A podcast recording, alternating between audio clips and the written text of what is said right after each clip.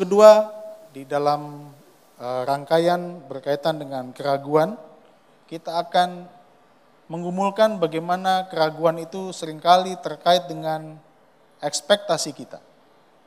Dan ekspektasi kita ini sering kali mengganggu relasi kita. Termasuk relasi kita dengan Tuhan. Dan tanpa disadari, sering kali saudara-saudara, kita membangun ekspektasi kita di dalam doa kita, di dalam kehidupan pribadi kita. Ekspektasi kita kepada Tuhan. Tercontoh atau yang dicontohkan oleh seorang bernama Petrus di dalam Matius pasal yang ke-16 ayat 22 sampai 23. Ada rangkaian panjang ungkapan ini. Siapa Petrus? Dia adalah murid Kristus. Siapa Petrus? Dia orang yang dipilih oleh Tuhan untuk dekat dengan dia. Dia adalah tiga dari murid-muridnya yang dekat dengan dia. Kurang berapa dekat sih Petrus dengan Yesus? Sedekat itu Petrus dengan Yesus. Tapi rupanya kalau kita melihat di dalam ayat ini, Petrus mengekspektasikan sesuatu kepada Yesus. Ada sebuah percakapan yang tensinya tinggi. Kalau Bapak Ibu membaca di dalam bahasa Inggrisnya lebih kelihatan. Ada tensi yang sangat tinggi dari percakapan ini. Ada yang menegur, ada yang mengkoreksi, ada yang memarahi, ada yang menarik tangannya.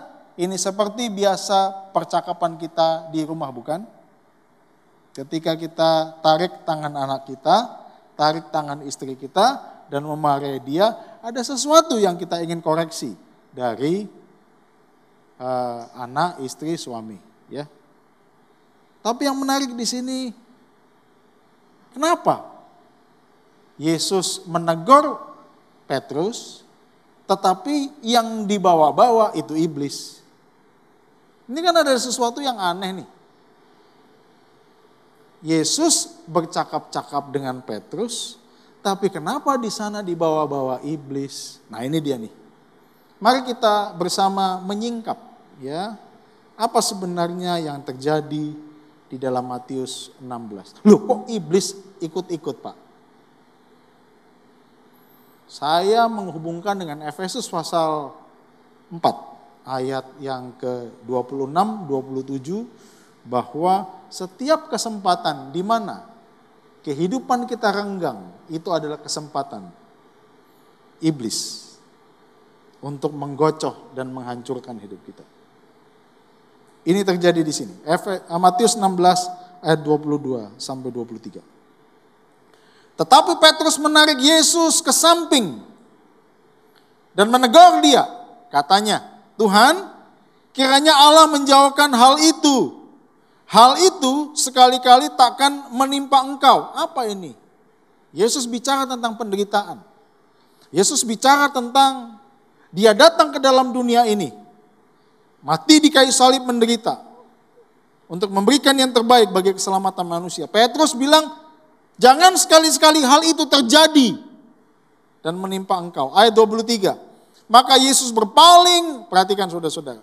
Berpaling dan berkata kepada Petrus, Enyala iblis, engkau suatu batu sandungan bagiku, sebab engkau bukan memikirkan apa yang dipikirkan Allah, melainkan apa yang dipikirkan manusia. Marahnya sama Petrus. Yang disuruh enyah siapa? Halo? Marahnya sama Petrus, tapi yang disuruh pergi, pergi siapa? Kenapa bukan Petrus yang disuruh pergi? Makanya sama Petrus. Yang disuruh pergi, iblis. Nyala iblis. Saudara-saudara, uh, nanti kita akan singkapkan itu. Tapi poin pertama dari tema ini adalah doubt, relationship, dan expectation. Ada hubungan antara ekspektasi, keraguan, dan relasi. Saudara-saudara, Semakin tinggi, ini saya ngekliknya.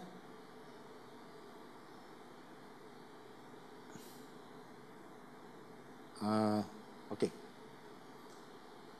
Dokter E ya. Dokter E. Jadi DAP, relationship dan expectation. Saudara, aneh ya. Saya tuh ketemu sama beberapa orang dalam konseling. Di tengah kondisi yang susah ini, ekspektasi orang kepada orang lain tuh makin tinggi. Saya tidak tahu saudara. Ya, saya tidak tahu apa yang terjadi dalam kehidupan saudara. Di tengah-tengah kondisi yang sulit ini, malah kecenderungan orang punya ekspektasi yang tinggi kepada orang lain. Karena apa saudara-saudara? Ini natural ya. Ketika dia ada di dalam kesulitan, dia mau dia lepas dari kesulitan itu. Itu sangat natural. Anda melakukan itu, saya juga melakukan itu. Ekspektasi kita kepada suami kita, ekspektasi kita kepada istri kita, ekspektasi kita kepada anak-anak kita. Dan juga mungkin ekspektasi kita kepada anjing kita. Ya ada beberapa orang, waktu dia pulang ke rumahnya, kok anjing saya sekarang tidak lagi menyambut saya dan jilat-jilat kaki saya. Ya, Terus dia ngomong begini, Pak, kok segala sesuatu itu berubah? Rupanya ekspektasi seseorang bukan hanya kepada orang lain, tapi juga kepada apa? Anjingnya. Ada yang punya anjing di sini? atau binatang piaraan? Ada yang berubah dari anjingmu? Responnya? Atau uh, saudara merasa ada yang berubah dari istri saudara atau suami saudara hari-hari ini? Ada? Atau ada yang berubah dari anak-anak saudara? Ada? Saudara melihat itu, menyaksikan itu? Saudara, pertanyaannya begini, yang berubah istri Anda atau ekspektasi Anda? Semakin tinggi ekspektasi, semakin kecewalah Anda kepada orang itu, betul? Semakin ekspektasi engkau pada pacarmu, semakin punya potensi engkau kecewa terhadap pacarmu. Betul?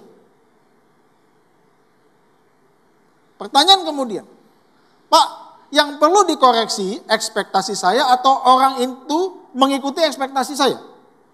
Terima kasih.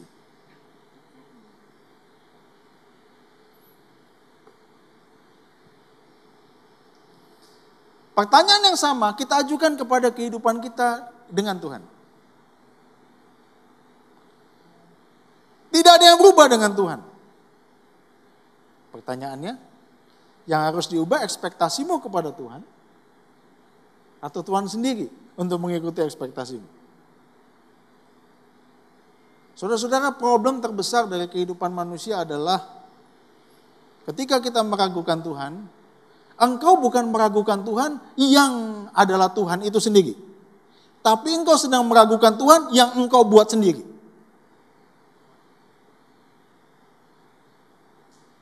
Betapa hebatnya manusia sehingga dia bukan hanya mau menjadi Tuhan, tapi dia membuat Tuhan dalam pikirannya sendiri. Dan engkau sedang meragukan Tuhan yang engkau buat sendiri sebenarnya. Banyak orang bertanya, Pak kenapa Tuhan gak begini, kenapa Tuhan gak begitu, kenapa Tuhan. Pertanyaannya, kenapa engkau memikirkan Tuhan seperti itu? Sudah-sudah. Itu yang terjadi dalam Matius pasal 16 ini. Dan Petrus adalah refleksi dari kita, dari saudara dan saya di dalam ketidaksempurnaan kita mengenal Tuhan. Baik saudara-saudara, kita lanjutkan. Saya boleh bertanya, gambar siapakah ini? Halo? Ada yang tahu? Dari kumisnya, siapa? Siapa? Wakil gubernur kita yang sebelumnya, siapa? Ya, Saifullah ya, Gus Ipul. Pertanyaannya, meski tidak jelas dan kabur, mengapa Anda tetap tahu wajah ini? Atau wajah inilah? Siapa ini? Halo? Dari mana Anda tahu ini Bu Risma? dari dari mil. Pertanyaannya, meski tidak jelas dan kabur, mengapa engkau tahu bahwa ini wajahnya Bu Risma? Coba dibuat lebih susah. Ini siapa? Meski tidak jelas, mengapa engkau tahu ini Donald Trump? Mengapa Bapak Ibu?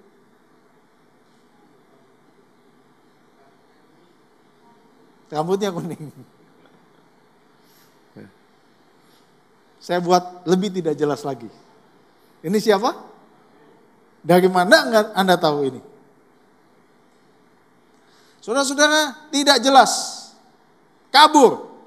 Tapi engkau tahu siapa yang ada di dalam foto itu. Oke, saya buat lebih susah, sangat susah. Bukan hanya kabur, tapi saya bikin potongan. Ini saudara-saudara. Siapa ini?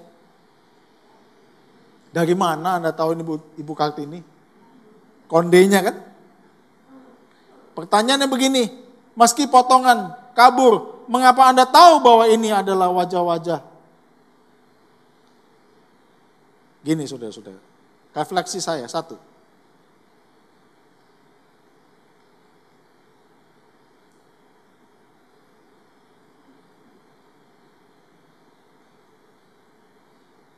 Perhatikan. Kejelasan sebelumnya merupakan dasar dari keyakinan kita tentang siapa yang ada di dalam foto kabur ini. Betul?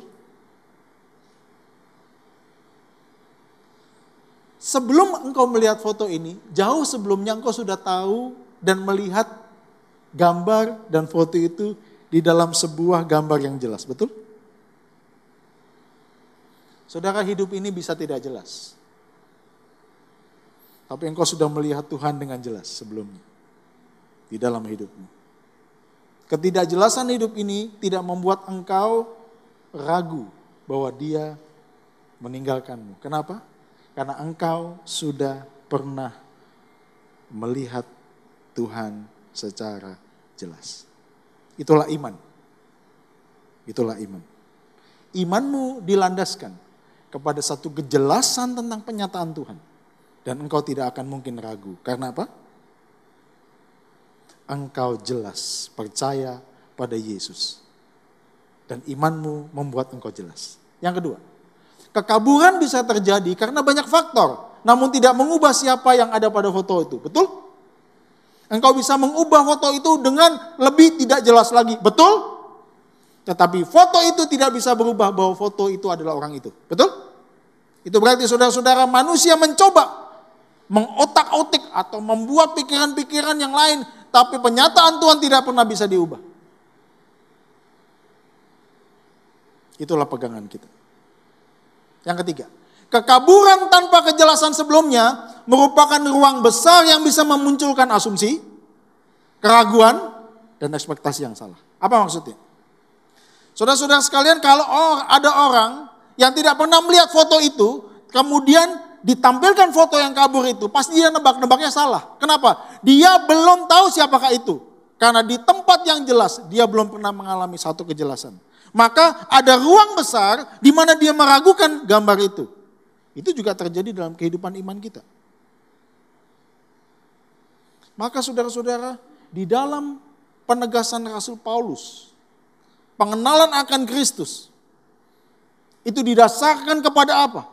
Didasarkan pada penyataan Allah, saudara-saudara.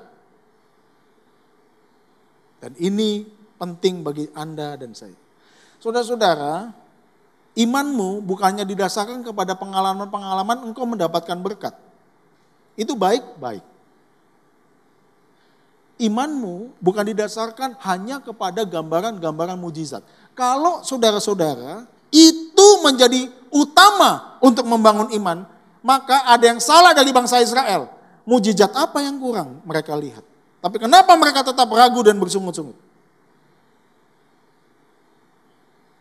Banyak orang membutuhkan mujizat. Banyak orang berdoa untuk mujizat nyata.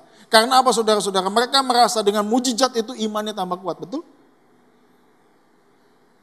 Pada kenyataannya nggak seperti itu.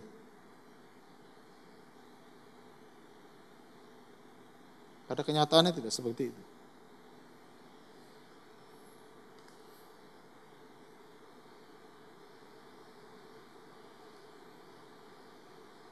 Ekspektasi ini adalah akar dari semua sakit hati, kecewaan. Baik saudara-saudara. Siapa yang pernah kecewa dalam hidupnya? Ada? Siapa yang saat ini sedang kecewa dalam hidupnya? Coba kita mengevaluasi diri kita. Adakah ekspektasi yang saudara perlu ubah? Apa itu ekspektasi, Pak? Ini dia. Ekspektasi adalah membayangkan tentang sesuatu yang akan terwujud dengan tuntutan tertentu. Saudara-saudara, ekspektasi itu ada kandungan tuntutannya, betul nggak?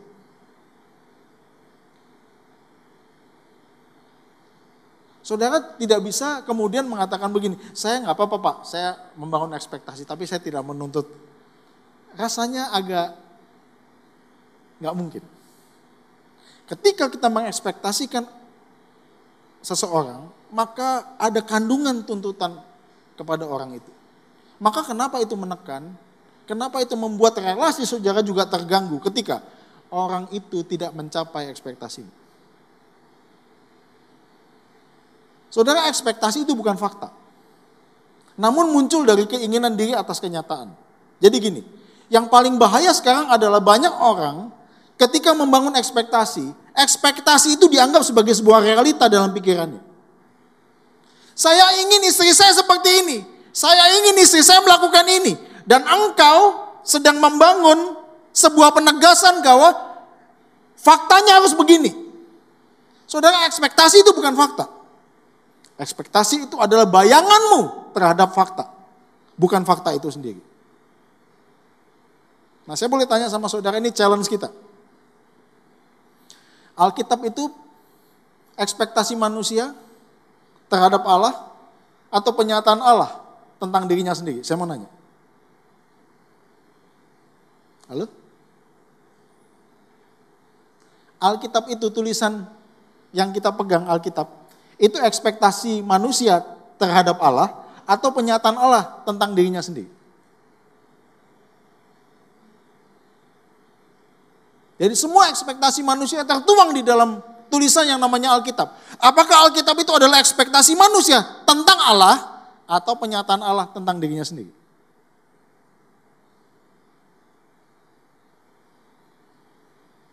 Ayo. Ini bacain lagi nih katekismus Pak. Pertanyaan pertama tentang apa? Tentang wahyu. Pertanyaan saya, apa yang saudara yakini?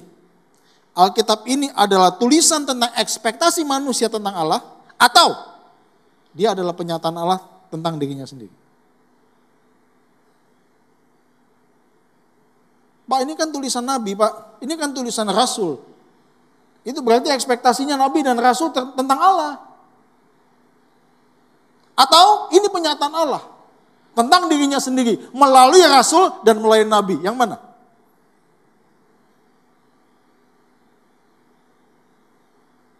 Saudara ini challenge terbesar dalam kehidupan orang percaya. Dan itu yang dipahami oleh Petrus ketika dia membaca Taurat Tuhan. Kita buka Lukas pasal 24.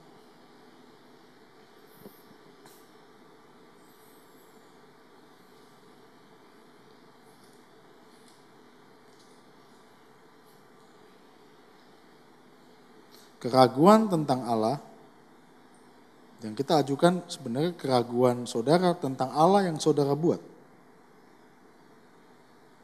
di dalam pikiran saudara. Lukas 24 ayat 20 ah, oke, okay, ayat 44 sampai 46. Ah, ini. Ya, tolong saudara perhatikan ini. Perhatikan saudara-saudara, ini luar biasa. Ia berkata kepada mereka, ini siapa? Yesus. Yesus berkata kepada mereka, mereka ini siapa? Murid-muridnya. Di mana dia menampakkan diri. Baik, inilah perkataanku yang telah kukatakan kepadamu ketika aku masih bersama-sama dengan kamu. Yakni, bahwa harus digenapi sesemua yang tertulis tentang aku di dalam apa? Di dalam apa saudara? Kitab Musa, apa? Nabi-nabi dan di dalam terjemah apa di dalam singkatannya tanah. Tanah itu Taurat. N-nya itu Navim. K-nya itu Ketuvim tulisan. Salah satunya Mazmur, tanah. Tanah itu adalah sebuah kitab penyataan Allah yang eh, diberikan kepada orang Israel, tanah. Lalu ia membuka pikiran mereka tentang mereka sehingga mereka apa? mengerti kitab suci katanya kepada mereka. Ada tertulis demikian, Mesias harus menderita dan bangkit dari antara orang mati pada hari yang ketiga. Dan lagi ayat 47. Dan lagi dalam namanya berita tentang pertobatan dan pengampunan dosa harus disampaikan kepada segala bangsa mulai dari Yerusalem. Bapak Ibu Saudara-saudara, salib itu bukan tanda kekalahan. Perhatikan. Salib adalah tanda kemenangan. Di sini ada salib. Di depan ada salib. Kenapa orang Kristen pasang salib? itu adalah tanda kemenangan Kristus di dalam kehidupan manusia. Engkau percaya Yesus menang? Saudara-saudara? Percaya? Percaya Yesus sudah bangkit? Bukan hanya kita percaya Yesus sudah bangkit. Yesus yang bangkit itu bersama dengan saya di dalam kehidupan ini. Engkau bukan hanya percaya Yesus sudah bangkit. Semua orang bisa begitu. Tapi engkau percaya Yesus yang bangkit bersama dengan saya. Berjalan di dalam jalan kebangkitan dan jalan kemenangan. Itu yang kita yakini. Sampai saat ini. Dan saudara-saudara harus jelas. Pak, berarti saya nggak boleh dong punya harapan sama Tuhan. Oh, salah itu. Karena beberapa orang membedakan antara ekspektasi dan harapan. Expectation versus hope. Apa bedanya? Ini saudara. Ekspektasi itu bertumpu pada keinginan diri atas sesuatu. Sedangkan harapan bertumbuh pada sesuatu di luar diri apa adanya. Ketika engkau berharap sama Tuhan, engkau harus berharap seperti yang Alkitab nyatakan tentang Tuhan itu. Engkau jangan membangun ekspektasi tentang Tuhan berdasarkan keinginanmu sendiri. Maka Yakobus mengatakan apa? Kamu salah berdoa. Aduh. Ya ampun. Yakobus ngomong begitu. Karena yang kamu doakan adalah apa? Untuk memuaskan nafsumu sendiri. Aduh, ada orang doa untuk memuaskan nafsunya sendiri. Ada saudara-saudara, dicatat oleh Yakobus. Itu berarti ketika dia berdoa, dia sedang membangun ekspektasi tentang Tuhan. Di dalam pikirannya Tuhan itu seperti ini. Maka Yakobus mengatakan engkau salah berdoa.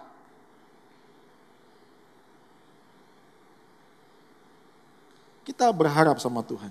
Seperti yang Tuhan nyatakan di dalam Alkitab. Itu yang mau dinyatakan kepada Petrus di dalam Matius 16 saudara-saudara. Ayat 22 sampai 23.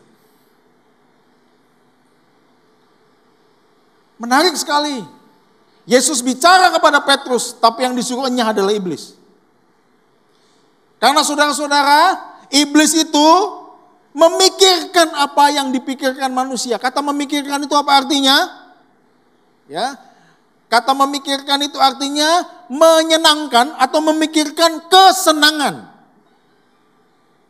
Ketika manusia memikirkan tentang Tuhan, manusia itu memikirkan tentang kesenangannya sendiri, kemudian membangun Tuhan di dalam pikirannya untuk menyenangkan dirinya sendiri. Mengerti maksud saya?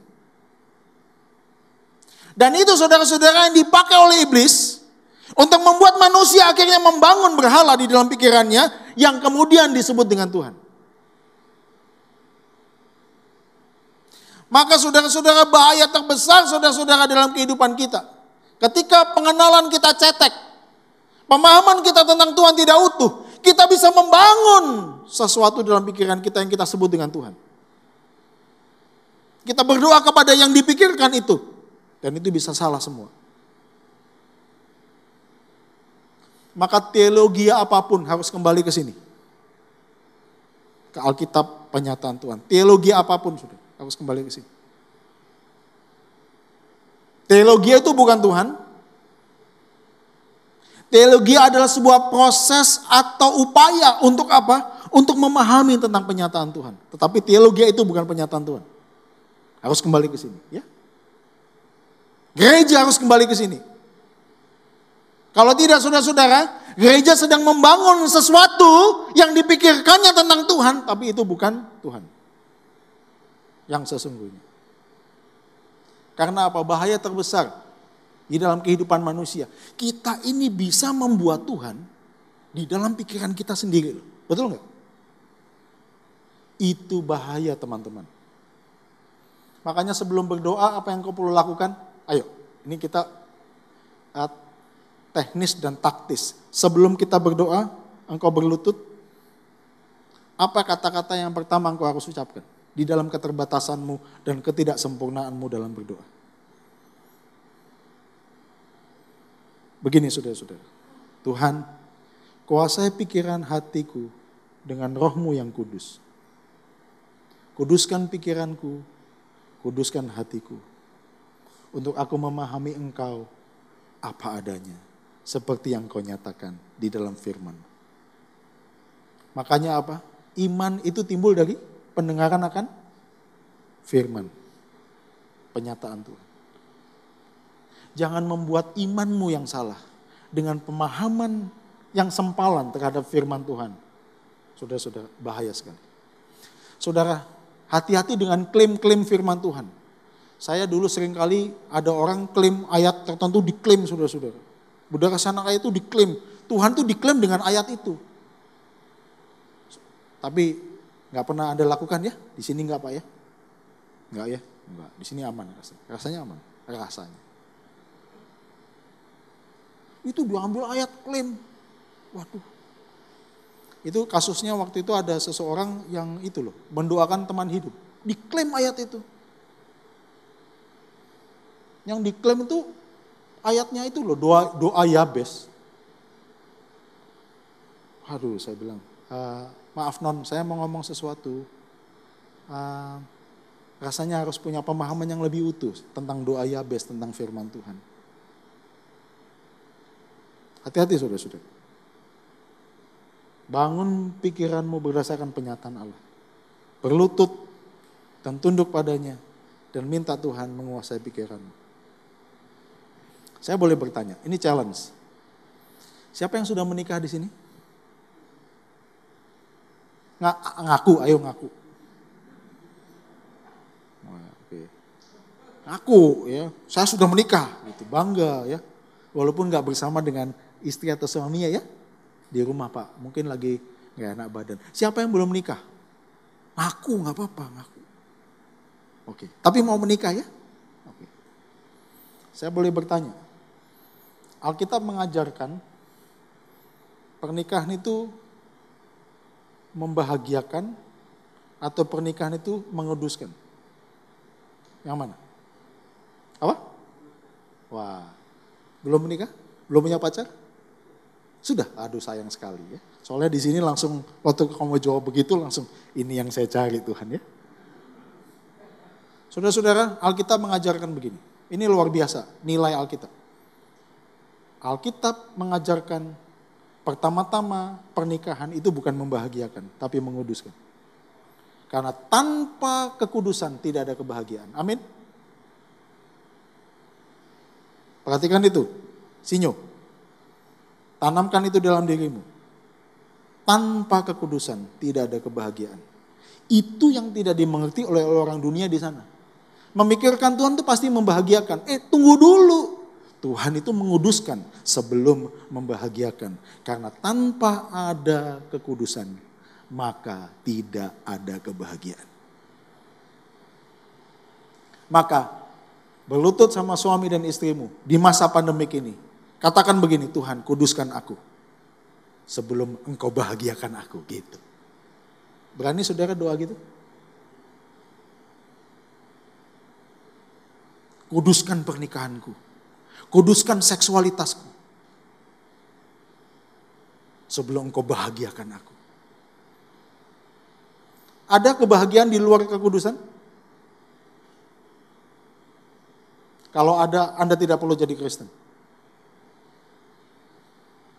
Karena kekristenan itu menguduskan dulu. Karena di dalam kekudusan ada kebahagiaan. Pernikahanmu akan dikuduskan oleh Tuhan, maka engkau akan bahagia saudara-saudara. Nyo, sebelum menikah, engkau masih bujang hidup dalam kekudusan ya. Yang yang cewek-cewek juga ya. Kuduskan hidup. Karena di dalam kekudusan ada kebahagiaan. Aneh ya? Saudara ngomong begini, kenapa sih orang Kristen suka pikul salib? Saya mau tanya, ketika Anda pikul salib Anda bahagia nggak?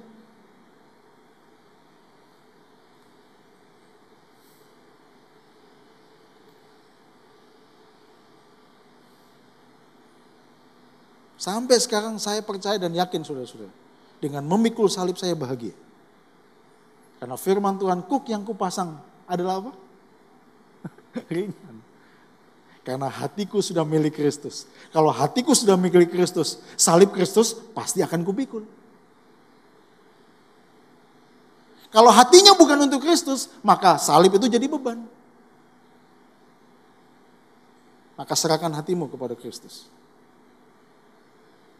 Maka segala beban, segala pergumulan dalam hidup ini engkau bisa tanggung. Maka firman Tuhan apa? Segala perkara dapat apa? Di dalam dia yang memberikan kekuatan kepadaku. Satu perkara? Dua perkara? Berapa perkara? Semua. Di dalam Kristus. Saudara-saudara, dua catatan praktis. Yang pertama, evaluasilah pikiran kita tentang Tuhan, ya. Manusia bisa memikirkan tentang Tuhan di luar penyataan Allah, tentang dirinya sendiri. Wah, ini bahaya Saudara-saudara. Maka apa namanya? Ditrigger oleh iblis, manusia ngomong sama Tuhan. Perempuan yang kau tempatkan. Waduh. Itu menyalahkan Tuhan. Perempuan yang kau tempatkan. Perempuan ngomong apa? Iblis. Jadi uh, ular. Ya. Si Adam ngomong perempuan, perempuan ngomong ular. Ularnya tolak-toleh sudah. Ini mau ngomong tentang siapa gitu kan? Manusia di dalam ketidakpuasannya dengan Allah, dia ingin menjadi Allah bagi dirinya sendiri. Berhala saudara-saudara, hati-hati ya. Kita harus sadar tentang perbedaan antara Tuhan dan Tuhan yang kita pikirkan. Nah ini dia. Kalau engkau belajar bagus, baca buku bagus, menggali lebih dalam bagus. Tapi engkau harus rendah hati berdoa, Tuhan kiranya imanku diakarkan kepada penyataan engkau tentang dirimu sendiri. Saudara kalau lihat internet masuk di dalam diskusi tentang Allah, waduh pusing saudara-saudara, kaget-kaget nanti.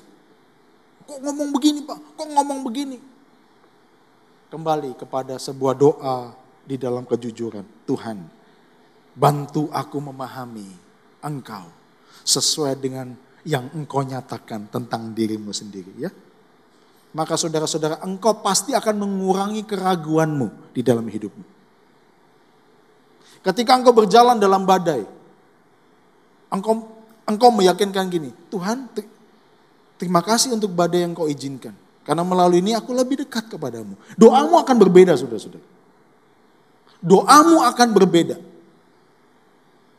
Tuhan Aku bersyukur di tengah sakit penyakitku. Malah apa? Imanku makin kuat dan mengandalkan engkau di dalam kehidupanku. Doamu akan berbeda.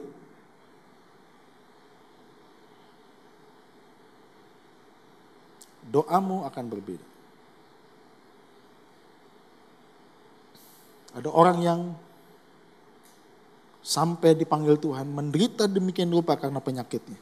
Sampai nggak bisa ngomong. Di tengah-tengah dia nggak bisa ngomong. Doanya begini. uh, waktu saya datang dia ngomong tapi nggak jelas. Dia ngomong begini. Yang menerjemahkan doanya kata-katanya tuh anaknya yang tahu maksudnya ibunya apa. Gitu. Pak Sandi, maksud mama saya, saya bersyukur. Saya agak bingung bersyukur kenapa nyuh? Bersyukur karena anak-anak saya itu dampingi saya setiap hari. Ngejus sayur, ngejus makanan, dan apa namanya menyandoi untuk mamanya di dalam proses mamanya itu sakit. Wah. Hidupnya, doanya berbeda. Saya boleh bertanya kepada Bapak Ibu, apa yang membedakan kita dari orang yang tidak percaya pada Kristus? Waktu kita punya uang, Waktu mobil kita empat, waktu perusahaan kita jaya, apa yang membedakan? Kesetiaanmu di tengah padang gurun. Pandemik adalah sebuah kesempatan untuk bersaksi tentang kesetiaanmu dan kesetiaanku. Ya. Maka Bapak Ibu di dalam kondisi ini, ini kesempatan kita untuk bersaksi tentang kualitas kesetiaannya di dalam kehidupan kita. Dan kita respon dengan kesetiaan kita kepadanya. Terus bergantung pada Tuhan ya. Kita perlu beralih dari apa yang kita pikirkan tentang Tuhan kepada Tuhan yang sesungguhnya saudara-saudara. Karena kalau tidak engkau akan terus ragu. Engkau akan terus kecewa. Kecewa dan ragu. Diliputi hari-harimu dengan kecewa dan ragu. Tapi engkau tidak mau beranjak dari pikiranmu sendiri. Harus beralih dari situ saudara-saudara. Kalau engkau tambah ragu, engkau tambah percaya, engkau makin apatis. Hatimu makin dingin. Ada sesuatu yang perlu engkau koreksi, hidup kita koreksi, tentang Tuhan. Maka saudara-saudara, firman Tuhan mengatakan jangan membuat bagimu patung. Kenapa patung? Patung sebelum dibuat itu harus dipikirkan dulu mau bagaimana patung itu. Maka saudara-saudara kenapa ini dilarang? Karena pembuat patung itu sebenarnya merupakan refleksi dari pikiran manusia sendiri tentang Allah. Maka betapa bahayanya itu. Saudara-saudara, Sekali-sekali yang pemuda-pemuda baca buku ini, ini buku lama, tapi patut untuk dibaca. Mungkin Pak Haryadi sudah baca buku ini. Saya baca ini kaget-kaget sudah-sudah. Karena sering kali pemahaman kita tentang Yesus sempalan. Sempal itu apa ya? Potong-potong, nggak utuh. Dan ketika kita punya pemahaman tentang Yesus yang potong-potong, kita membangun ekspektasi yang salah harapan yang salah, iman yang salah. Memang kita tidak sempurna, tetapi saudara-saudara sekalian, kita perlu dan patut untuk terus disempurnakan. Salah satunya apa? Dengan dalam pengenalan kita akan Kristus. Ya? Masalah terbesar kekristenan sejak awal bukan penganiayaan. Bukan hadirnya keyakinan lain. Bukan kemiskinan. Bukan ajaran sesat. Masalah terbesar kekristenan adalah apa? Kedangkalan pengenalan akan Yesus. Dari faktor dan faktor utama penyebab kedangkalan itu adalah apa? Menjadikan pikiran manusia itu sebagai pusat. Saudara saya bersyukur diberikan kesempatan dalam masa-masa ini, masa pandemi ini ke beberapa tempat di Indonesia. Mau di Surabaya, mau di mana pun, mau di NTT, mau di Menad, mau di Sulawesi, mau di Sumatera, mau di Kalimantan, masalah kekristenan cuma satu yang utama. Apa itu? Kedangkalan iman.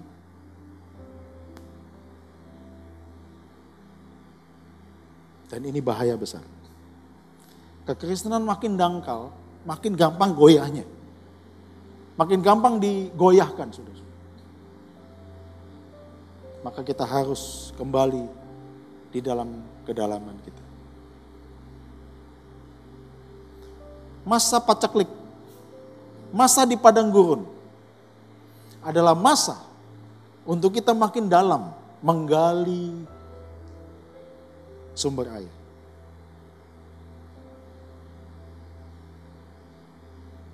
Dan kita menemukan kehidupan dan sumber kehidupan di dalam Yesus.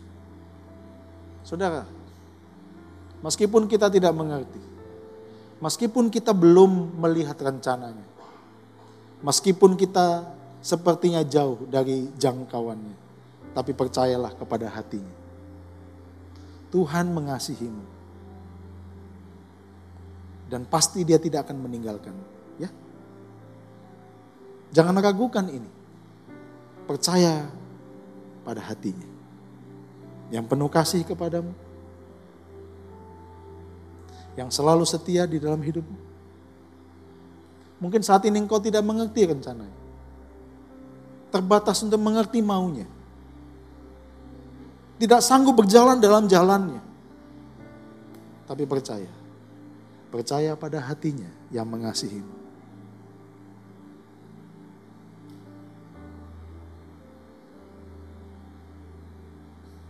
Sadarlah saudara-saudara dalam kondisi ini. Ada yang bisa memanfaatkan situasi. Hati-hati. Kalau engkau memberikan kesempatan pada iblis untuk mengacaukan hidupmu dengan keraguanmu. Dia akan memutar balikan segala sesuatu dalam diri. Akan membuat engkau makin ragu dan kecewa. Makin dalam orang kecewa. Makin dalam orang kecewa. Dia marah terhadap dirinya sendiri dia marah kepada Tuhan dan marah kepada dunia di sekitarnya. Malah apa? Menjadikan segala sesuatu di sekitar hidupnya menjadi musuh. Malah hidupnya tidak bisa menjadi berkat bagi orang lain. Kenapa? Karena semua orang adalah ancaman bagi dirinya. Mana bisa dia jadi berkat? Mana Petrus bisa jadi berkat dengan kondisi kayak begini? Kalau dia tidak ditegur oleh Tuhan, mungkin dia akan memberitakan kepada orang lain tentang Tuhan yang dipikirkannya. Bukan Tuhan yang dinyatakan di dalam firman Tuhan. Mana dia bisa jadi berkat? Mana dia bisa membagikan kehidupan dan kebenaran? Maka saudara-saudara, kita perlu tunduk. Menundukkan diri. Dan kekristenan adalah jalan penundukan total kepada Tuhan. Engkau Kristen, pengikut Kristus, tandanya apa? Saya, kita mau tunduk. Mau tunduk sudah-sudah? Mau tunduk? Mau tunduk pada Yesus?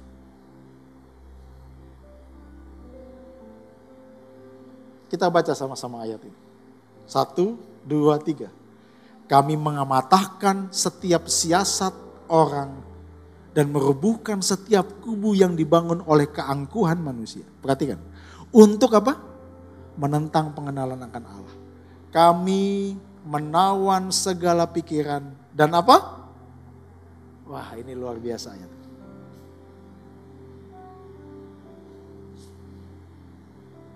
Tunduk tunduk. Tunduk pada Tuhan. Ketundukanmu akan membawa engkau kepada apa? Kepada kehidupan yang penuh dengan keyakinan. Kenapa Tuhan? Aku selalu digoyang oleh keraguanku karena engkau tidak tunduk.